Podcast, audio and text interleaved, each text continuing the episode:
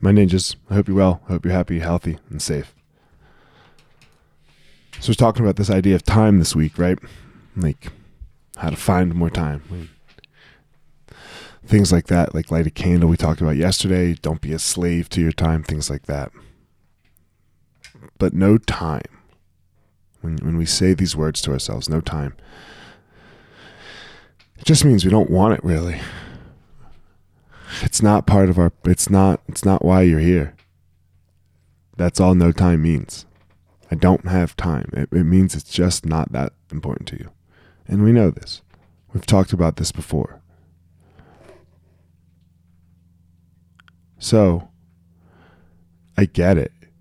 We all get it. It happens to me all the time. I say, I don't have time for this, and then I don't get it done.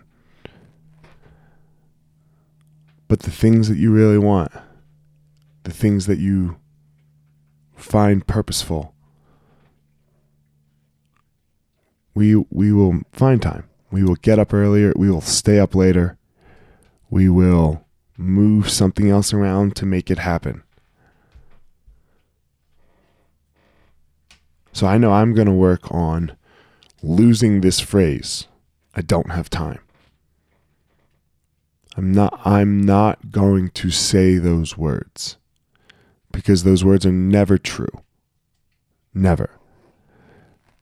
I could scroll Instagram less and bullshit on the phone with my friends less and a host of other things in my life that I do that literally just waste time.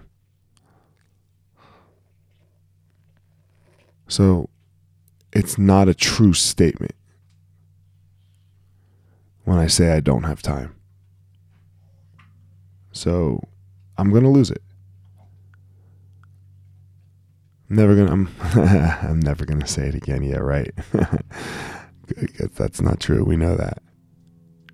I'm gonna do my very best, my most skillful effort to not use those words, so I can find my power.